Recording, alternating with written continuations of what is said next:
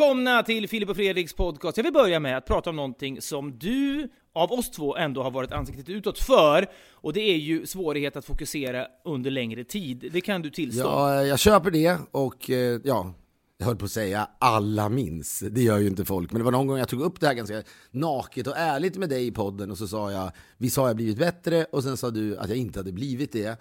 Och jag vet inte, nu är jag i USA ganska mycket så du kanske inte ser mig. Jag tycker jag har blivit bättre. Men visst, jag, jag känner ju ibland att jag har problem och det, det kan uppfattas som drygt såklart eftersom det, det, det är ungefär som att man ställer krav på att det som berättas för en ska vara intressant nog för att jag ska orka för att man inte koncentrera ska zona ut, ja. Ja, du gör ju också det, men visst, jag, jag tror att du är mycket bättre på att nej, men nu håller jag intresset uppe, eh, uppe. Men sen ibland så handlar det bara om tankspriddhet och att man inte eh, överlag liksom klarar av detta. Nu medicinerar jag mot detta och jag tycker att det är mycket bättre. Ibland tänker jag ändå på hur det måste ha varit förut, men du menar ju att det är likadant. Skit, det kan vi väl skita i, det gjorde lite ont i mig. Men vi håller på och spelar in en ny säsong av Alla mot alla nu, fjärde tror jag. Fan, när vi började det här programmet, vi hade ingen aning om att det skulle rulla på så fint. Vi har många, många katastrofer bakom oss, framförallt när det handlar om antalet tittare. Så är det.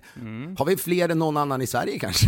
jag vet inte. Fler katastrofer bakom oss än någon annan. Att vi, att vi får hålla på är ett mirakel. Men det, det, jag vill ändå säga att det betyder inte att, vi, att alla de katastroferna, att vi, alltså, jag pratar om dem konstnärligt, vi är ganska nöjda med det mesta vi har gjort. Men de har inte, som man säger i tv-världen, hittat publiken. Alltid nej. Då ser man när man ska få den typen av besked, man är mycket väl medveten om det. Man ser i ögonen på våra chefer på kanal 5, nu är det bad news. Nu kommer de säga Mm. något där de försöker badda oss med något vänligt och säga programmet Nu försöker de linda in i... Ja, men det, är också, det klassiska exemplet är ju att vi har ju vårt produktionsbolag Mexico, där gör vi många olika program för olika kanaler och då kommer det ibland tårta till eh, eh, kontoret för att SVT exempelvis vill fira de fina premiärsiffrorna för Fråga Lund som vi producerar.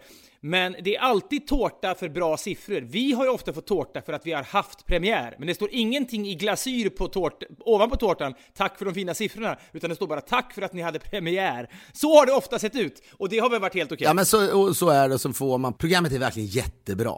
När den meningen Ja. börjar så, då vet man att då är det liksom, Katastrof. ja det är bilan som det väl heter. Är det bilan? Ja, bilan ska falla. Bilan är den väl som sitter i giljotinen, det är väl en av komponenterna i en giljotin, Mm. tror jag. Ja, det är väl den giljotinen som gör att huvudet skiljs från kroppen. Så är det. Och de är ju sällan Mm. så, de är inte så elaka, men det är lik förbannat en bila. Som, en mental som, bil är det definitivt. Ja, även om bilan så att säga, faller ner över programmet så är ju vi ansvariga för det. Men en av de människorna som jobbar på kanal 5, Aron Gabrielsson. Mm. Det är liksom, om man tittar på det helt nyktert så är han en av Stockholms vackraste män. Så Ja, är det. Och han, det, är lite o, det är ofattbart nästan hur vacker han, Han, han, är. har och hur, det som få människor har begåvats med, det vill säga olivfärgad Ja men exakt, och han är också, han Gud var på gott humör den dagen han skapade Aron Ga- skapades, ja, ja. Detta bibliska namn dessutom. Ja, precis. Jag, jag sa det till min tjej lite på skämt när vi satt i bilen. Och jag vet inte varför vi snackade om det, men, men, men hon sa till mig, fan, du är begåvad. Det var någonting hon, hon gjorde, gav mig beröm för. Då sa jag, mm, ja, Gud var på en gott humör när han gjorde mig. Och då tog hon liksom det på allvar. Hon bara, gud vad osmakligt att du säger det. och jag, Ja, okej. och jag sa, nej men vad i helvete, jag menar inte det. För Gud var, eh, han var på halvbra humör när han skapade Mm. den. Men när han skapade Aron, då satt han och garva. Något hade skett. Han mådde svinbra. Eller ska När. Gud skapade dig, då tror jag att han var bakis på det här sköna sättet. Då skapade han Filip. Ja, Han var lite fnissig och så, ja, men, det, ja, men när han skapade Aron, då hade han varit och tränat och kände sig endorfinhög och snygg. Ja, och när han skapade dig, vet du vad han var då? Då var han på tårna. Han var på tårna när han. Okej, visst. ja, men du kan man kan se det ändå. Det är ändå någonting i att man kan beskriva en människa utifrån hur Gud mådde när Gud skapade människan i denna tankelek. Ja, men det, men det är väl så. Det kan man tänka sig när Gud skapade när Gud skapade, jag vet inte, men han, han kan ju ibland vara på jävligt humör så att säga. Och då syftar jag inte på någon Donald Trump, men han, han skapade en, en människa som är påfrestande, exempelvis. Ja, det känns som att när Gud skapade, vi återkommer ju till Anders Öfvergård och Arg Snickaren ofta, men när Gud skapar Arg Snickaren, då hade han precis slagit i tån i en tröskel eller någonting. Då, ah, men varför, nu skapar jag! Nej. Nej, han hade precis knullat. Jo, men han hade känt han hade mycket, han kände sig manlig, förstår du vad jag menar?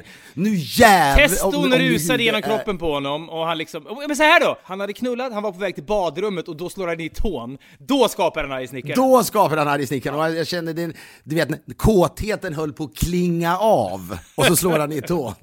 Och då, ja, i det ögonblicket när liksom kåtman övergår sömlöst i raseri, då, då skapar han Arg en Snickaren. avklingande kåthet i kombination med att man slår i tån. Vem skapas då? Jo, Anders Övergård så att säga. Det där är lite kul att, att leka med, jag vet inte om vi har gjort det någon gång. Men när Gud skapade då Aron Gabrielsson, då, skapade, då var han på gott humör. Han, Aron är också, han är ju statistiker från början tror jag och, och kan läsa såna här grafer. Så det var väl, han slängde väl in lite matematik också. Gud kanske spelade något tv. Gud spelade Tetris och var på jättegott humör. Ja, absolut.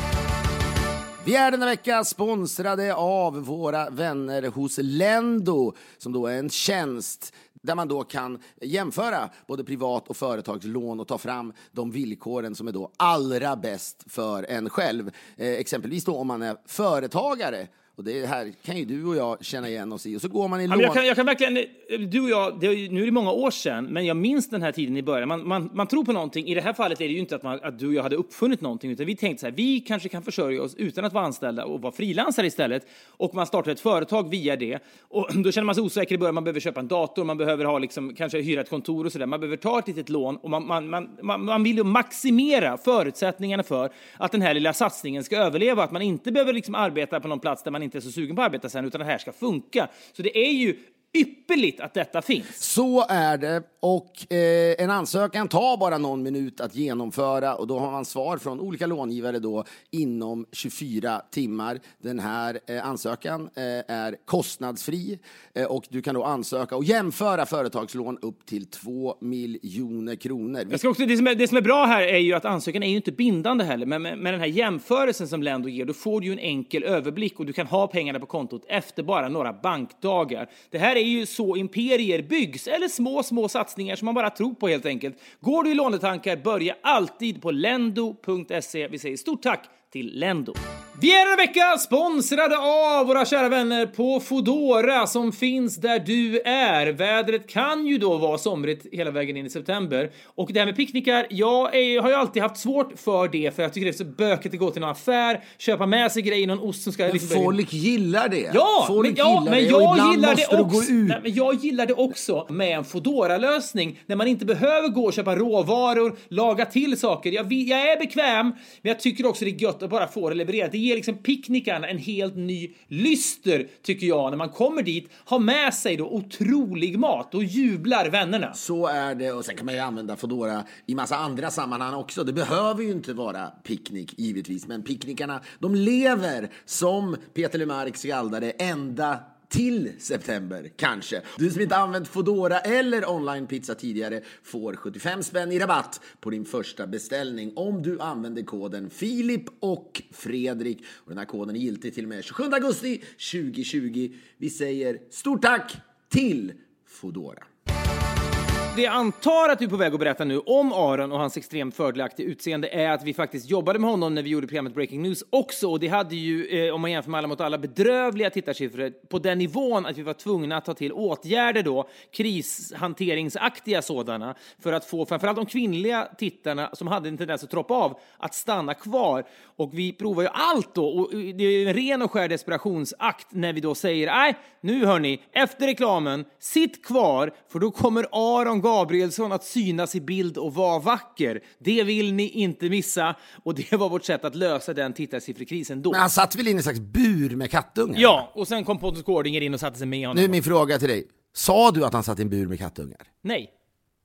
Nej, för jag blev orolig att jag inte hade koncentrerat mig när du, när du Nej, men jag ska återkomma till fokus alldeles strax. Jag, jag började prata om fokus. Men nu spelar vi in då Alla mot alla igen och det är väldigt kul. Det är många bra lag och, och Per Morberg är bland annat med, vilket är väldigt spännande. Annika Lantz, Björn Ranelid, det är liksom Fan vad jag gillar. Annika Lantz. Annika Lantz är Ja, otrolig. men Annika Lantz, när Gud skapade Annika Lantz, hur var han då? Då kände han, nu, nu, nu, nu, nu skapar jag en väg. Nej, då var Gud orolig för att han inte hade stängt av spisen. Ja, ja, men han var, ja, han var lite, Neurotisk, Ja, härlig. men han var på väg, han, han, liksom, han hade precis, ja, men tror jag, han hade precis läst en bra bok, han hade precis läst liksom, Den unge Werthers lidande, så att han kände sig, han kände sig Ja, intelligent. Så var han på väg ut genom dörren, han var på väg ut genom dörren, satte nyckeln i låset och så tänkte han Fan, stängde jag av spisen? Exakt där skapar, skapar han Han kände, sig, han kände sig spirituell och smart, men också nojig. Och virrig, ja. Och ur detta skapas då Annika Lantz, som ju är, hon är absolut ingen oslipad diamant, men ibland känns det som att hon borde vara inte bara Sveriges största radiopersonlighet, hon borde väl vara Hon borde vara på frimärken. Ja men hon är så, det, det, det är så jävla kul med någon det där har vi också pratat om förut, men vad, är, vad, är, vad värdesätter man hos människor? Detta kan, vad det jag ska nu säga, kan vara en konsekvens av min eh, korta eh, då, eh, koncentrationsförmåga. Men människor som blixtsnabbt processar vad en annan människa förklarar eller säger åt dem, det är sådana människor jag, jag mår väldigt bra att vara nära. Och Annika Lantz är nog en Ja. av de som processar information fortast av människor. Man behöver liksom inte ens säga klart meningen för hon förstår vad det är man ska säga. Nej,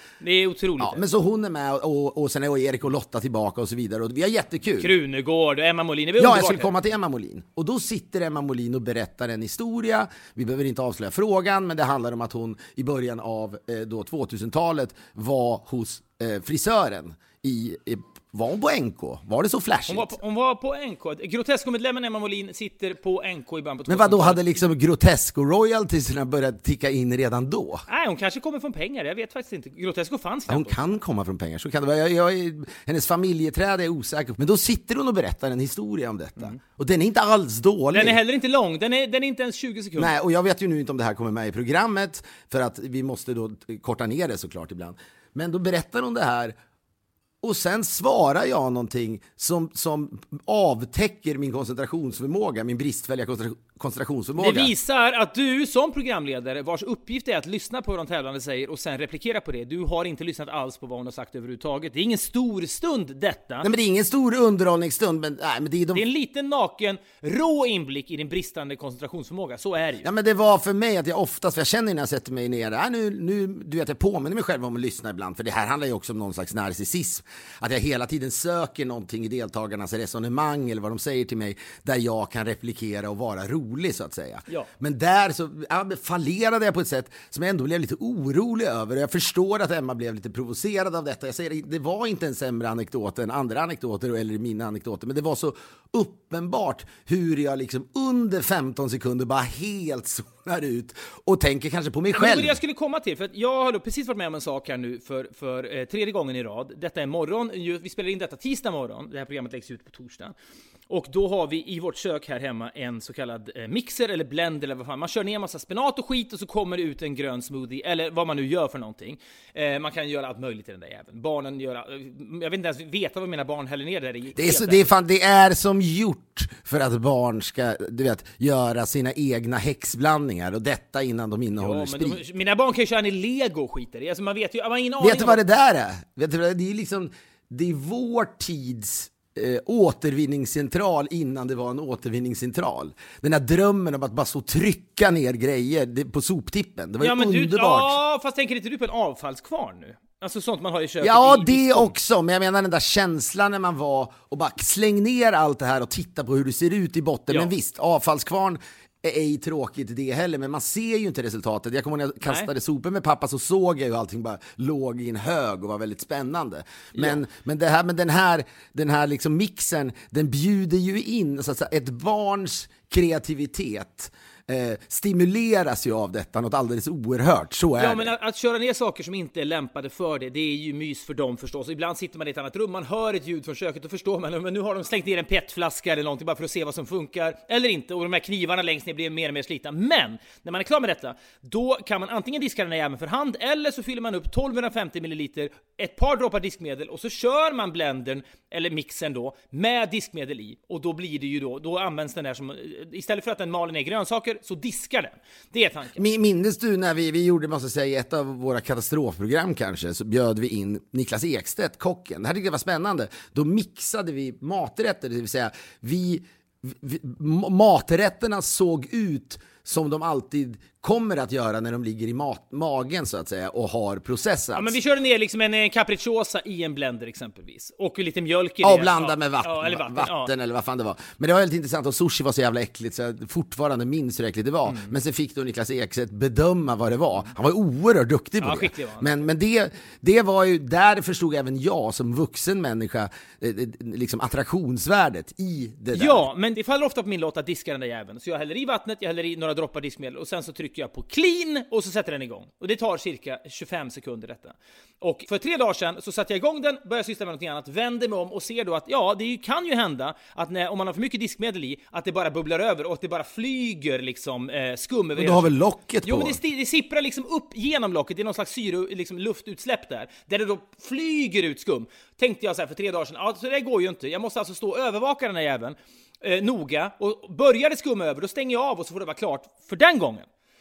Dagen efter då så gör jag detta, trycker på clean, står och tittar och efter 10 sekunder tänker jag då, mm, nu måste jag fortsätta titta här och inte tappa fokus.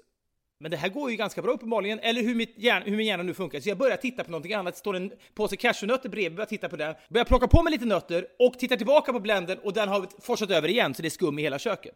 Sen i morse då för några minuter sedan, då tänker jag så här, nu, det här är ju int- intressant. Kan jag behålla fokus i 30, 25-30 sekunder? Kan jag verkligen bestämma mig, precis som du bestämmer dig för att Emma Molins historia ska du lyssna på från början till slut. Jag får inte tappa fokus här nu. Vem är jag då? Vad lider jag då av för olika diagnoser om jag inte kan i 25 sekunder titta på ett luftutsläpp så att det inte kommer ut massa skum som en jävla geyser?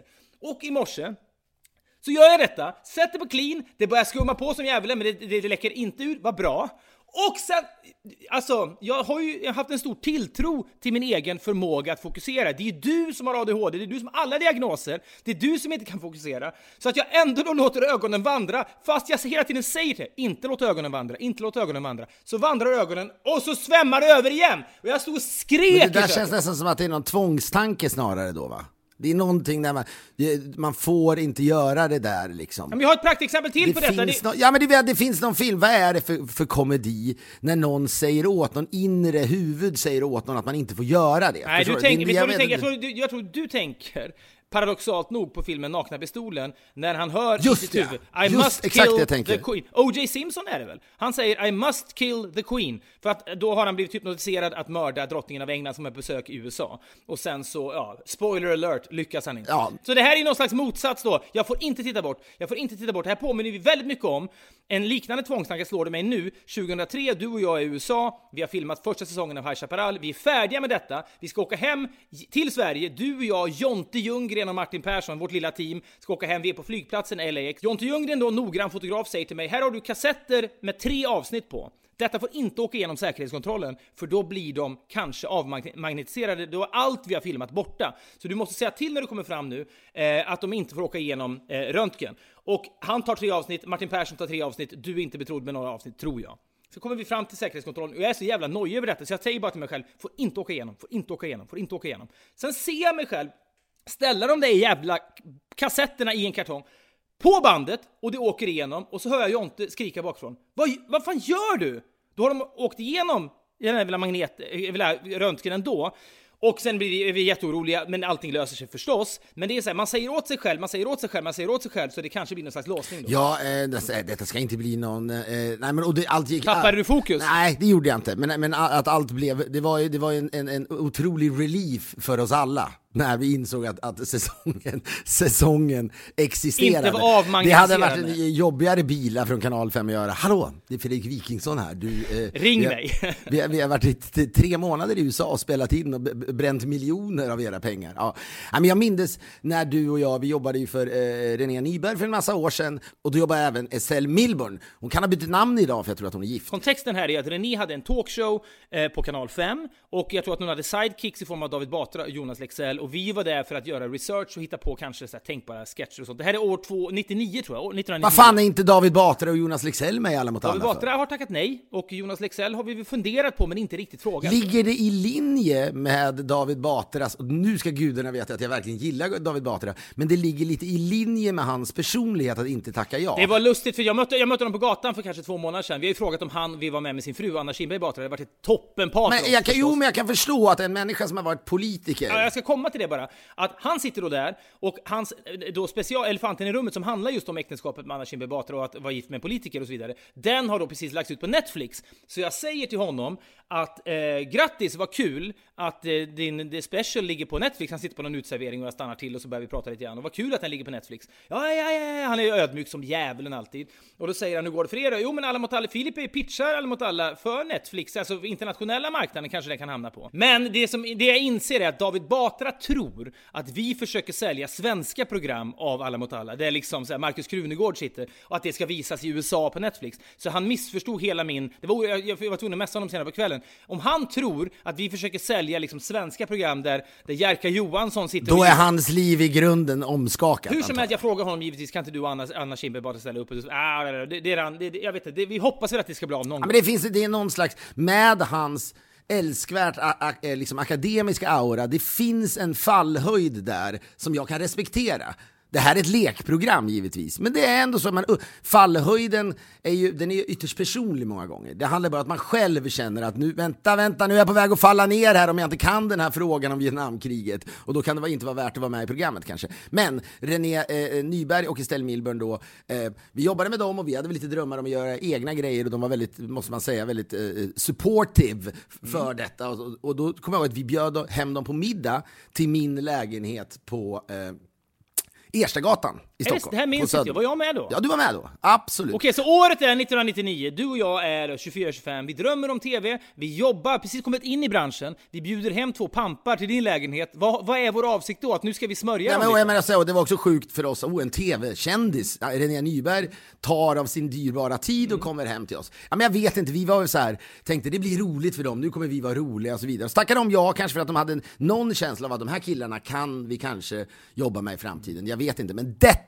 som jag nu ska berätta var apropå den här mixern som svämmade över av skum. Mm. Och jag kommer ihåg, vi, vi, vi kämpade rätt hårt, det skulle vara coolt och bra och god mat. Nu vet jag var du är på väg och jag, jag minns detta och jag... Jag vet ryser- inte om du är på vet vad vi är på väg, men vi skulle blanda drinkar. Ja, jag vet precis att nämligen. det var dit du var på väg. Och det, det är kul för detta, detta ger mig så här retroaktiva rysningar. Då skulle vi göra Cuba Libres tror jag, som är rom och Coca-Cola och väl lime och sånt där. Mm. Det finns massa manliga drinkexperter där ute som säger Ma, du måste... En viktig detalj här är väl liksom kontexten, tidsandan också. Slutet på 90-talet var det, det pågick någon slags revival för The Rat Pack och att man skulle vara lite, lite belevad och man skulle liksom ha, man skulle kunna drinka. Det var liksom typ lite viktigt då. Man skulle liksom vara man of the world eller woman of the world. Man skulle liksom kunna Men det kanske man kan, det, det finns ju fortfarande det där som när jag stod och jag skulle blanda en Mai Tai när vi var ute och reste här i somras. För att jag hade tid Mm. att göra sånt. Jag tyckte det var lite kul. Och det var, då hade jag gjort den och det var en, stod det en kompis till oss och tittade på mig när jag gjorde det här. Den är Brian för övrigt, som så ofta kommer. Och då sa han, "Oop, oop, oop, oop, oop, oop. you need two types of rom in a, i, in a Mai Tai. Just den där känslan. Hur stor blir skillnaden? Jag vet inte. Men då stod vi i mitt kök. Men den viktiga skulle jag- skillnaden här är att när du blandar en drink för Brian nu, då är du relativt trygg i dig själv och du bryr dig inte så jättemycket. 1998-99 när vi är 23-24 år gamla och ska imponera på René Nyberg och Estelle Milburn som har sett allt i våra ögon, då är vi ju skörare. Jo men jag, är inte, jag vet inte fan hur säker man är idag ens när man står och blandar en drink. Jag vet inte, det, de där drinkblandarränderna går liksom aldrig Nej, ur. man bryr sig inte så mycket om man blir smälld på fingrarna. Det var ju värre för när man var yngre. Det är det Ja, men då vet jag att jag, det här är jag som gör, du, men jag gör det och du reagerar inte. Det vill säga häller i dem, jag sprutar i lite lime i det där. Bara att, du, bara att du sprutar i lime känns... Ja men det vet jag, det, det där tror jag har berättat va, när, jag, när jag kom till Stockholm. Jag ska idag välja att berätta alla namn, men då var det en kompis till oss som heter Johan Molander som kommer ursprungligen från Nyköping men bor nu i Stockholm och Barcelona tror jag. Väldigt framgångsrik entreprenör blev han. Men han då var på uh, Värnpliktsnytt där jag gjorde min, eh, min, min värnplikt då. Man hade en tidning och man började som journalist. Det var otroligt kul. Jag vet att du hatar att höra om Värnpliktsnytt så jag ska inte prata mer om Värnpliktsnytt. Eh, men då eh, kom jag ihåg efter en dag, han hade, jag vet inte fan, han hade liksom jobbat så han hade lite pengar. Så han sa, ah, vill du gå med till East eller? Ja, sa jag. Och så beställde han in då, eh, vad ska du ha? Och, sa han och jag sa, jag vet inte. Så hörde jag hur han beställde. Ja, en, Men en, i, vet du vad, East, lå, East låter ju lite grann som att det, är någon, det skulle kunna vara en indier, liksom, så en helt vanlig kvartersskog. East var ju något av det trendigaste man kunde besöka på Stureplan då. Alltså det, fann, det var ju hiphopklubb där. Det, ja, ja, precis. Det var dit Harrison Ford typ gick om han var och skulle göra reklam för en film. Ja, men i alla fall, då sa jag en vodka lime och då sa jag också, ja, jag tar väl en vodka lime. Vodka lime. Och grejen med den var ju att den var helt fullsmockad med limeskivor. Och då hade jag aldrig sett lime. Jag frågade, vad är det där? Sa jag. Ja, men han tittade ju på mig då och sa, vad är det här? Och så sa han bara, men, men liksom förföriska ögon. Nej, ögon med löfte om att det finns, fanns en större värld där ute än Köping. Ja, Förstår och ögon, ögon som antydde, mm, han är inte från Stockholm, men jävlar vad snabbt han har blivit Stockholm. Ja, eller försöker bli Stockholm snarare. Ja, vet du vad? Gud, Gud var i Stockholm när han skapade Johan Molander. Exakt, och, och hos mig, han satt i en laggård när han ska, skapade mig någonstans. Ja, men då sa han bara, det här är lime, Filip. Och det är otroligt att han inte skra, hånskrattade åt mig någonstans. Han, ville, han var pedagogisk, han ville liksom föra in dig i finrummet. Ja, men han var väl i chock och jag hade ingen aning om vad det var i alla fall. Men, och då hade jag sprutat i lime i den här då med mixern när, vi, när René och Estelle... Cuba Libre bli- Ja, en vanlig sån här ska, man sån här skakar.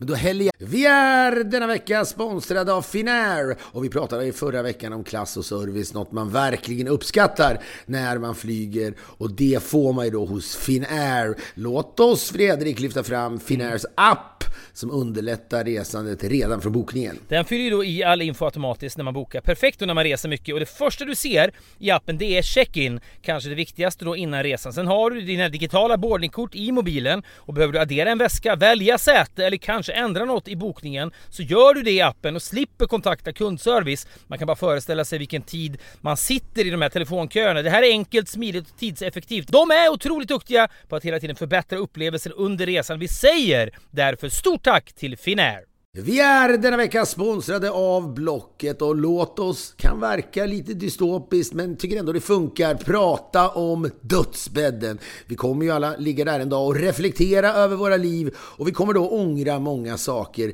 Eh, bland annat att vi inte köpte den där drömbilen som fanns i våra tankar under så många år. Ja, men kanske den där opraktiska sportbilen då som var en dröm från barnsben. Sen blir man vuxen med barn och så får man inte köpa en sån där bil. Men man skulle fan bara ha gjort det så att man inte ångrar det när man ligger där då. För på Blocket finns då bilar för alla med Sveriges största utbud av bilar till salu från privatpersoner som såväl bilhandlare. Gå in på blocket.se slash bilar och köp drömbilen på Blocket. Vänta inte så kan man då bocka av den på dödsbädden i alla fall. Det tackar vi Blocket för. Vi är denna vecka sponsrade av DPJ Workspace. Eh, Det är ju din partner då för kontorsmöbler och inredning sedan 1995. Köper du en stol eller ett bord eller vad det nu kan vara i år, 2024 alltså, så har du garanti till och med 2034. Vilket innebär, Fredrik, hur många års garanti då? Det är 10 års garanti, det är ett decennium. Kan man säga något annat än att de vet att det är hög kvalitet på sina grejer? De har otroligt mycket snygga och bra produkter. Allt ifrån snygga designstolar till belysning och loungemöbler. Alltså ett komplett utbud. Helt enkelt med riktigt schyssta grejer. De ska hålla länge, det ska vara snyggt och det ska funka bra för alla typer av behov som finns. Och har man funnits sedan 1995 som DPJ har gjort så kan man sannoliken sin grej. Gå in på dpj.se och läs mer. Vi säger stort tack till DPJ Workspace. Vi har ett betalt samarbete med Syn nikotinpåsar och det här meddelandet riktar sig till dig som är över 25 år och redan använder nikotinprodukter. Syn innehåller nikotin som ett mycket beroendeframkallande ämne. Syn kommer i olika smaker, styrkor och format och nu lanserar Syn en helt ny smak inom mint. Syn Slim Cool Frost som har en tydlig smak av kylande pepparmint och mentol. En långsmal helvit prilla och enligt 90% av 366 vuxna konsumenter har den en långvarig smak. Läs mer på nikoniko.com och klicka in på syn. Glöm inte att slänga din tomma dosa i plaståtervinningen. Vi säger stort tack till syn. I Coca-Cola i mixen.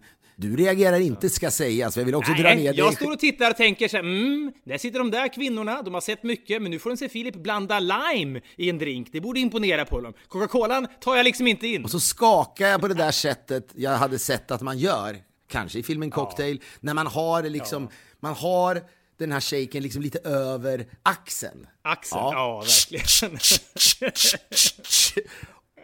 Och sen tar jag av toppen genom att slå som de alltid gör. Nej, nej, nej! Du tar inte av den! Det, jag minns ju att det är väldigt tydligt, det här är liksom infräst i ögonen.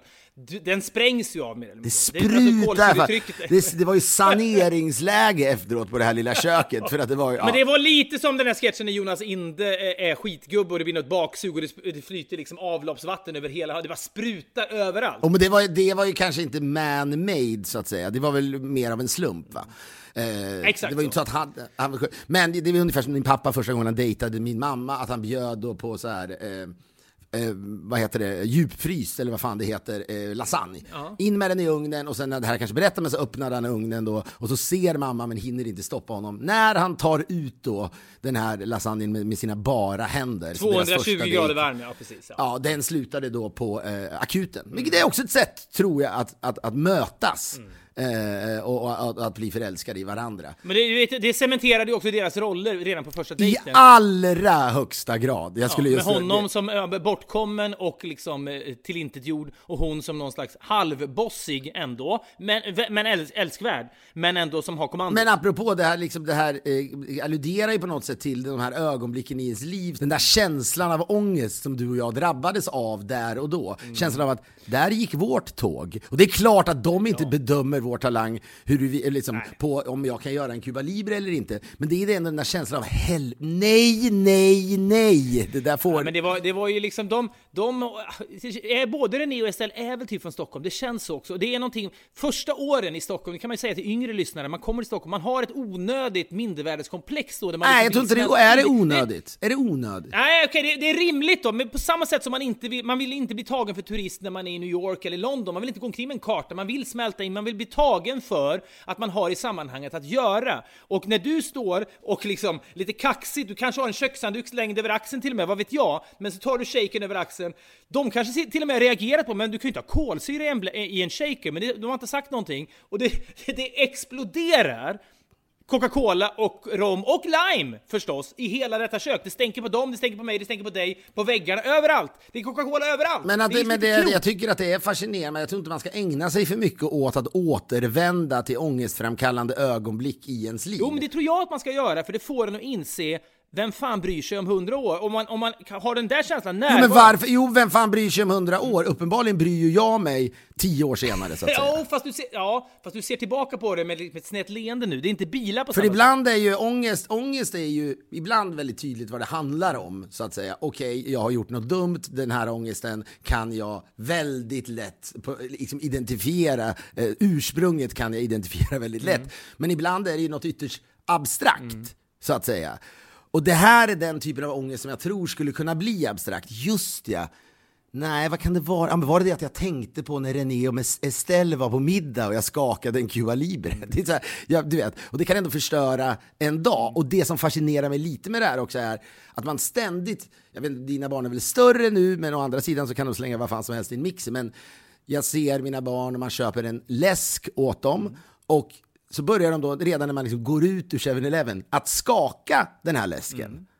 Och vet vad som kan- Och då är man så här, ni kan ju inte skaka läsken! Men tror Sluta du inte nu! att barn ibland gör det? De vet vad som kommer att hända, men de tycker också att det är kul. De får stå i centrum när den där olyckan inom citattecken händer. Jo, men jag menar bara att jag, jag, man har inte riktigt mandat att säga det till dem. För det där beteendet, liksom, det, det beteendet kommer, kommer existera uppenbarligen fram till 25 års ålder och kanske alltjämt nu. Mm. När man liksom sätter sig på de höga hästarna inför sina barn. Man, vissa saker kommer man ju inte kunna lära sig. Det var därför jag kommer tänka på det. Min dotter, jag sitter under hennes loftsäng just nu när jag poddar. Jag brukar inte göra det, men det är något jävla arbete som pågår i, det, i närheten av det rummet, så jag var tvungen att byta rum. Och apropå det här med fokus bara. Jag vet nu, eftersom jag sitter bara liksom två decimeter under ett lofttak, när den här podden är klar. Jag vet nu att jag får inte resa mig rakt upp som jag alltid brukar göra när, när jag stänger av micken. Jag kommer att göra det och slå i huvudet. Detta vet jag redan nu. Det vill säga den, den koncentrationen när jag säger till mig själv, res dig inte bara rakt upp för du kommer slå huvudet i en loftsäng. Jag vet ju att jag kommer att misslyckas med det. På samma sätt som man vet att även om man säger åt barn, skaka inte flaskan så kommer de att göra det nästa gång de har en flaska också. Vissa saker lär man sig helt enkelt inte. Ja, men, men, men, men så är det givetvis, och det var fan, så, så får väl livet vara. Apropå uh, loftsäng då, så måste jag säga det, jag, jag eh, var på, på en bondgård med mina barn och bodde där, och då hör, eh, ja, det är min tjej som bara hör ett jätteskrik, vad händer nu? Och sen blir det tyst. Och just när det blir tyst så blir man rädd, och så visar det sig då att min dotter har puttat ner honom från loftsängen. Det är inte bra. Han stod där. Men då var jag tvungen att, för att berätta hur farligt det var, då visade ser ni den här pannan jag har? Du vet min gamla panna med massa streck i. Vad är det, vad Lundell ändå i, ett av sina bästa ögonblick i någon låt när han bara går runt och promenerar i Stockholm. Kanske ska vi avsluta den här podden med den. Jag tycker att den är väldigt härlig. Han pratsjunger. 11 minuter lång, 11 minuter lång kanske. Jag tror Ja, men vi kan väl ta något brottstycke ur det? Ja, låten heter Högtryck. Så här sjunger han då, eller pratsjunger han. Ser ni alla de här rynkorna i det här facet? Har jag gjort mig förtjänt av dem? Ja, det har jag. Jag sa inte det till mina barn, men jag sa ser ni, jag är sydd så många gånger i pannan för att jag när jag var liten, och det- jag vet inte vad det här har med att göra, så många gånger ramlade ner ur loftsängar. Bland annat när vi var på någon båt mellan, inte fan vet jag, Trelleborg och Travemünde. Mamma sitter och räknar semesterkassan, det var ju liksom myntläge på det, för de, vi hade så dåligt med pengar. Då bara flyger jag ner med huvudet före, rätt ner i bordskanten. Det var jobbigt. Ja, samma resa så bilar vi ner i Europa, stannar i Schweiz någonstans och jag har väldigt mycket energi när vi kommer till hotellrummet. Så jag börjar springa runt i hotellrummet och springer rätt in i sängkanten och får sy igen. Men då försöker jag säga till dem, ser ni den här pannan? Har jag förtjänat den? Sa jag inte. Men jag sa, det här är vad som händer. Ni kommer behöva sys i pannan. Jo, men det, problemet med din panna är att den är, den är inte så avskräckande. En sak om man har blivit av med ett ben eller en arm. Ser ni den här liksom av, stumpen på armen? Vill ni ha det så? Ja, men din panna... Har jag förtjänat Jo, den? men- Har jag, har, jag- har jag gjort mig Ja, förtjänt din av den? panna är ju en vanlig panna menar jag. Det är inte så avskräckande för dem. Det är inte så effektiv storytelling. Nej, och därmed jag säger att det funkar inte. Barn förresten, ska jag säga barn förresten, vilken otrolig liksom, brygga in i något nytt. Men de befinner sig i lägenheten här med mig nu. Jag tycker att de är väldigt, de är väldigt lugna, låter det som. Jag var lite, fasade lite för detta, att det skulle bli någon slags kaospodd, vilket kan vara kul ibland förvisso, men du är ensam med barnen i Stockholm och de eh, sköter sig. Jag vet heller inte vad som händer just nu, det är väldigt tyst. De kanske, har du en blender i köket? Det har jag, men den är åtminstone inte inkopplad. Där, så långt är de inte framme i liksom, sin utveckling att de inser att för att något ska snurra så krävs det el. De är, köra ner tand, tandkräm och tandborste i blendern, dit har de inte. Ja, men de, är, de är lugna nu, du träffar dem i veckan, de är förhållandevis lugna, men det är, pågår, det är ändå en, en hel del eh, konflikter ständigt. Ja, men det är så här, Ilse som är sex är ju Tage är ju två år yngre då och det är ju tydligt då att hon... Jag hörde nämligen när Tage ville vara och leka med henne att hon sa Tage I need some space, vilket var något av det starkaste jag hört i mitt liv. Alltså, en, alltså de pratar ju engelska blandade, det, det är inget konstigt alls, men I need some space är så jävla vuxet att säga. Att säga det till sin lillebror, fattar Tage vad, vad, det, vad det betyder? Nej, det tror jag inte. Jag skulle säga det att det skiljer eh, inte ens två år mellan dem, men det är bara, det är liksom bara i, i, i, så här, i, i passet. Egentligen är det skiljer det många fler år mellan dem. Det är generationer mellan dem. Men var- för det var väldigt starkt. Björn Ranelid är ju med och tävlar också i Alla mot alla. Men han med sin du vet, magiska personlighet som vissa då kan, kan så här, tycka att de dechiffrerar och, och, och, och du vet sådär att eh, det blir för manierat. Jag älskar ju Björn för att han är sådär. Vad var, vad var Gud på för humör när han skapade Björn Ja, vad var han på för humör då? Det, var, det är ju no, det är något, det är Det, han, det var ju liksom ett, att, att se det stora i det lilla humör. Kanske hade Gud provat LSD första gången Han kanske är, han kan ha suttit på en sommaräng och sett såna där, du vet, så här, vilda blommor heter det, så jävla fint med wildflowers som det heter på, eh, åh vilken låt det är av Tom Petty, den heter Wildflowers va? Det är den vi får sluta på, de är inte hör. Ah, vilken låt! Vilken! Åh, åh, åh! Åh! Jag kommer, jag är som liksom Meg Ryan i När Harry mötte Sally. Nu kommer jag när jag tänker på Wildflowers.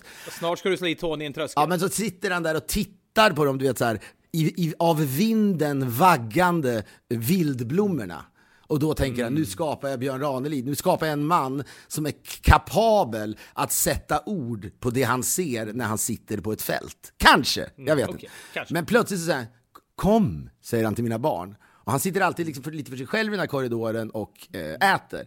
Så går jag liksom, så ser jag att de är helt fängslade av Björn Ranelid. Och han, sitter där och pratar med honom. Detta har jag en bild på till och med, när de sitter med... Ja, och då så säger, liksom står jag lite bakom och säger förstår ni barn att det vackraste som finns på hela jorden är kärleken mellan, mellan två syskon? Och då har de liksom precis bråkat. Att han, att, att, att han ska, men det kändes som att det bet på något sätt. Ja men så här, att Ilse tar in det, det köper jag. Att Tage tar in det mindre sannolikt. Detta sagt med respekt till Tage, men du, det kan du väl köpa? Han är fyra. Ja, ja, herregud, han fyller snart fem. Han har, I det här läget hatar han ju sin syrra som vill ha space. Hur ska han låta den här karismatiske, långhårige mannen från Skåne övertala honom om Nej, motsatsen? jag, jag vet inte, men det kändes som att det betyder något. Nu blir jag lite orolig, för nu de, går de runt här i lägenheten. De hade tittat på lite iPad och sånt där. Men nu, iPad. Men nu så hör de vad jag säger och Ilse är väldigt bra på att förstå vad jag säger. För det jag ska berätta handlar om henne. Lite tysta. Men det, det, det, nu handlar det om vad som, vad som föregick den här poddinspelningen. Jag försköt inspelningen en halvtimme till dig och skrev det är lite kaos här. Precis samtidigt som du skrev detta så stod alltså mitt, eh, sprutade det skum i hela mitt kök. Så det var lite kaos hos dig också. Men då i alla fall så var eh, eh, min ambition att, de, att jag liksom skulle få dem att vara lugna inför den här inspelningen. Du är ju väldigt förstående kring det här, men jag vet ju också att du tycker det är väldigt skönt att, att det här får ta den tid det brukar ta och sen kan du liksom återhämta dig från alla mot alla inspelningarna genom att slå dig ner i soffan och slå på Lawrence of Arabia igen för Ja. Mm. hundrade gång. Så att du vill inte att det här ska liksom, att det ska bli för många start-stopp eh, för dig under den här eh, podcastinspelningen. Det vill, Helst inte. Nej, och det vill inte jag heller givetvis. Nu ska vi se. Ja, nu går den här väldigt nära mig här. Eh, men då så eh, märker jag att Tage eh, sitter och bygger lego och han ska bygga någon, eh, inte vet så här, Avengers-figur liksom, eller vad det är han ska bygga. Ja, det är väldigt många småbitar.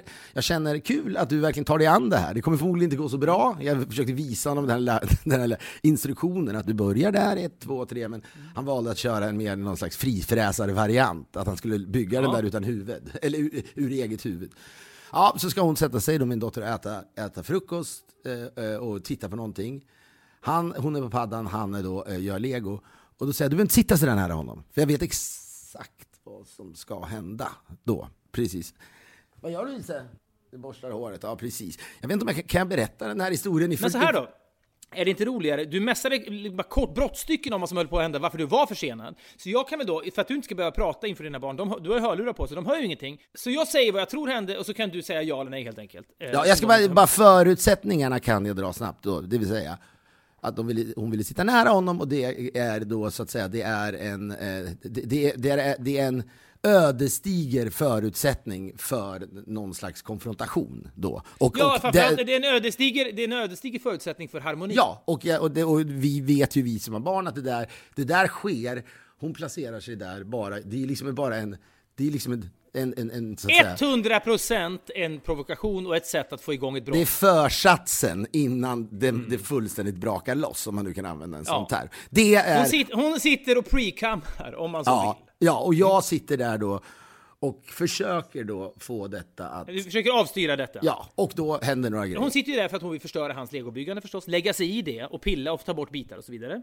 Ja, Och sen så eh, blir Tage ledsen och börjar eh, gråta, och, eller ledsen på sin syster. ja hur? precis. Eh, och, och jag försöker då ha, ha en vuxen diskussion med henne. Och när du efter några minuter inser att det här med vuxendiskussion inte riktigt funkar, då känner du... Det hov, vet du vad det gör nu? Vet du vad det som händer nu? Det hovras kring mig här vid det här bordet. Det, Okej. ja, ja, vi, eh, Ilse och Tage är runt dig, men de hör inte mig och jag upplever en slags berusande frihet i att kunna prata med dig utan att de hör detta. Men du är trött, du har ju eh, jobbat mycket på sistone, du är med barn, du är ensam med barn, du sover dåligt på nätterna. Det som först sker, det är att du försöker vara resonlig med din dotter och säga Men hör du Ilse, kan du inte sitta liksom två meter bort så kan han hålla på med sitt, du håller på med ditt. Hon käftar emot som barn gör och du håller på med det här ett tag, du försöker vara resonlig. Hon säger till dig “You're turning red dad”. Hon säger det med en retlig ton. Hon säger “Pappa, du håller på...” fruktansvärt var det. Ja, ja. Det var fruktansvärt. You're turning red, dad. Och det är på ett sätt som då är retfullt och som gör dig arg förstås, men du är också trött. Ja. Så det är liksom inte ilska, det är ingen explosion som kommer. Istället känner du Nej, men jag testar att, först testar jag Ja, att höja självklart rösten. höjer du rösten, du är irriterad, detta biter inte. Nej. Du känner då hur det liksom snörper ihop sig i halsen, för du är så trött att du vill inte ha det här bråket nu. Du, du älskar dina barn, kan de inte bara älska varann jämt? Så du känner hur gråt kommer. Det är lätt vanligtvis att bara mm, harkla bort den där klumpen i halsen och skälla vidare. Ja, men just för att man, att man, man har aldrig så här, det som är nytt för mig, jag har aldrig testat. Oftast, och det kan du känna igen att det man har testat och det som till slut funkar oftast är ju att ösa på med ganska stark volym. Så är skälla det. på, ja, Eller, nu blir det inget sånt där som man har lovat. Nu blir det ingen godis, nu blir det ingen glass och så vidare. Hot eller skrik är det som man oftast hemfaller till, 99 gånger av 100. Och det tycker jag, man kan jag hoppas, jag ibland känner att man, man vill försöka, man, man, man söker och, och, och tigger eh, förståelse och identifikation, det vill säga alla dessa hot. Alla dessa hot om sånt. Ingen glass, ingen godis. Jag vet inte om jag någon gång har hållit det. Nej. Jag tror aldrig jag har hållit det. Och detta vet din smarta dotter om. Jo, jag vet, men du vet, du vet så här, jag kan inte tänka mig att du har hållit de löftena heller, eh, så att säga. Det finns ju en viss typ av föräldrar som Gud också skapade någon dag när han kanske kände sig stressad och var disciplinerad. Han hade mycket att göra en dag, så han tänkte, jag kan, det är inga störningsmoment Ja, men här. den, den, det var en dag när Gud hade checkat av 20 grejer från to-do-listan och kände sig Han kände sig också konsekvent. Gud Ja. kände sig Då konsekvent. skapade han föräldrar vars hot också hålls. Själv säger man nu blir det ingen glass idag, 20 minuter senare så gynnas man av att köpa barnen glass. Ja, då köper man barnen glass och därmed urholkar man sina egna hotbilder. Och det funkar inte. Detta vet du om, detta vet din dotter om, så du tänker så här, när du känner snörpet i halsen, om jag har läst situationen rätt, du känner snörpet i halsen, vanligtvis trycker du undan det och skäller eller hotar. Den här gången tänker du, jag måste prova något nytt. Jag ska prova nu att bejaka gråten och att förtvivlat gråta inför min dotter för att se om det kan få henne att flytta bort en Det som jag gör i det här läget, och det här kan jag berätta, är att jag alltså går in i sovrummet för att liksom riktigt ta fram det. Så att det inte, så att det inte, blir, så att det inte är tveksamt. Att det bara är lite vatten. för att, ungefär det, Du lämnar köksbordet och dina bråkande barn, går in i ditt sovrum, stänger dörren, bejakar gråten så att när du kommer ut så ska det vara en effektfull reveal Ja, på ditt ansikte. Och jag gör det lite, ja vet du vad jag gör också? Jag gör det, det intressanta i ditt ansikte är inte längre pannan, det är kommer ögonen. tillbaka ut ur sovrummet och så går jag in med liksom ryggen mot dem och, att det ska mer höras. Jag hulkar liksom lite. Du står med ryggen mot barnen, diskar, hulkar, väcker deras intresse, vänder dig om, revealen är fullständig, pappa gråter. Ja, den är fullständig. Ja. Pappa gråter! Och då tittar hon Hur, hur funkar det? hon tittar på mig och jag får då ta bort det som används när man vill ha bra ljud, när man, det man sätter på öronen när man tittar på en film så att säga. Och jag trodde direkt att de skulle då plockas av och att det skulle komma en gigantisk kram. Det är ju det man hoppas i det Det läget. här, jag, det här ska jag erkänna ändå, det här är liksom inget koketteri eller någonting. Jag, säger, jag har aldrig riktigt använt den metoden när mina barn var små. Det vill säga att okej, nu bejakar jag gråten, nu, nu ska jag väcka den typen av empati hos min dotter för att få det jag vill, det vill säga lugn och ro här. Funkar det? Det här är ett tips till alla småbarnsföräldrar, eller blivande. Funkar det att gråta inför sina barn? Hur reagerade Ilse? Ja, men det var väldigt, det var mest omtumlande för sonen tror jag. Som direkt på något sätt utstrålade empati. Medan då den andra personen eh, Dottern, i, sys, i syskon sa, bara lyfte, ly, ly, lyfte liksom på, på lurarna och bara Hörlurarna, ja. Now you're childish, säger de till mig. Det blir extra mörkt att det är på engelska på något Ja, sätt. Det blir det är så det. mästrande. För den exakta frasen är Now you're being childish. Eh, och, och det är, det är, det var liksom så här, då, efter det blev ju tårarna nästan på riktigt. Tables turn. Men, jag, jag, men så här, det som är skönt med det där, tänkte jag, vissa saker vill man ju inte göra. Man vill inte, man vill inte liksom som förälder med sin partner och så vidare bråka inför barn och så där. Det, det hände mycket när jag växte upp, det kan jag stå för och det kan mina föräldrar stå för. Och det tyckte jag var jävligt jobbigt. Var, för då kom tårarna ur det, två föräldrar som gråter och då, och då tänker ju barnen, det tror jag kan skaka om barn. Det, sånt kan hända, sannoliken. Man kan, inte, man kan inte vara förälder ett helt liv och greja det. Liksom. Men, men jag kände den här var en intressant, för den här, den här borde ju göra rätt avtryck hos dem. Att även, ä, nu är jag så dum så att den här stora människan som ska vara min, som tar hand om mig, som ger mig mat, som gör att jag lever. Ja. Den personen vill, Nu reducerar han till något annat. Ja men han, man vill inte att han ska vara ledsen. För då kan inte Nej. jag, då blir det ju ingen glass, så att säga. När hon, när, då, när hon då på första försöket genomskådar detta, då har du ju spelat ut det kortet. Det kortet är bortspelat. Ja, då för all framtid menar Ja, du? det är klart! Om hon, om hon greppar det där när hon är sex, tror du att hon, när hon är 13, tror du hon kommer sitta och men pappa gråt inte när du står och diskar? Ja, men hon kan, kanske tycker, kommer förstå att de, lite senare att de är mer real. Det kanske det, hon, realness kanske inte är någonting hon ännu är bekant med. Jag vet inte. Tvärtom! Alltså hon är ju så intuitiv att hon fattar det där var inte på riktigt. Så hon, eh, du, du, kan, du, du kan säkert gråta på riktigt framför henne och då kommer hon köpa Ja, men det. du- att du- använda det som ett verktyg. Ja, men du har varit väldigt eh, under föräldraskapet så det är inte ofta man eh, liksom bollar idéer, man gör ju så gott man kan. Men du har jag även sett dig jobba och det, bland det första du sa var att, eh, ja, att, att, att vara förälder går ut på att, att bli bra på att ljuga. Och vilket, vilket, vilket ju stämmer, för man måste hela tiden hitta på du vet, anledningar till Men det visar något- klassiska exemplet var när, när Ola Lindholm som var chefredaktör på Kamratposten, han åkte ju dit med, eh, det var något som hände med droger, jag minns inte detaljerna. Han sa då, jag, jag är oskyldig, och så fick han då avgå som chefredaktör på Kam- Kamratposten. Och så här, och indignerade ledarskribenter, det var ju en jättestor sak. Då skrev de så här, Ola Lindholm, en sak ska du veta, man ljuger inte för barn. För han, de tyckte att han hade ljugit, ljugit för sina läsare då, som läser Kamratposten. Och jag minns att jag bara tänkte, man ljuger ju jämt! Man ljuger ju tio gånger per dag för sina barn, det är väl jättebra att Kamratpostens läsare lär sig det? Man ljuger jämt! Ja, eller är det, är det, det är ju inte bra att de läsarna lär sig det, för då blir det ju you're being childish. Då förstår, förstår du vad jag menar? Eller inte childish, men då blir det jaha, det Okej talas inte jag- sanning. Poängen här är inte huruvida Ola Lindholms liksom rätt eller fel. Poängen Nej, nej, att nej, nej, nej, absolut nej, det var inte det jag menade. Men jag menar, man vill ju helst inte att den tidningens läsare ska veta att deras föräldrar ständigt ljuger. Att då, att Sant. det är liksom man, vill inte, man vill inte att Kamratposten ska ge sina unga läsare nycklar till att se igenom sina föräldrars lögner. Det, Nej. jag menar, det är väl snarare det var bra att det skulle vara viktigt att alla föräldrar får reda på att lögn är en av de mest gångbara metoderna. Ja, självklart. och jag har, precis du och jag, jag tror att du och jag är väldigt bra på att ha noll ångest för det också. Men, det, lögnerna är ju ofta på nivån att liksom glassfabriken har brunnit ner eller du vet så här, jag vet, ja. men det har, jag tror nog du har rivit av någon lögn som har varit på gränsen också. Vad skulle, du vad jag skulle ens vara på gränsen för, för barn? Nej, men det är väl kanske man snackar om att jag har varit på sjukhuset och det är väldigt allvarligt. Jag vet inte, förstår du vad jag menar? Jag måste åka dit eller vad fan som helst. Någonting som också ska väcka lite just eh, på något sätt känslor. Men vänta, vänta nu, det är ju inte så att jag säger till mina barn Hörni, ni måste vara snälla mot mig för jag har precis kommit hem från sjukhuset med dåliga besked.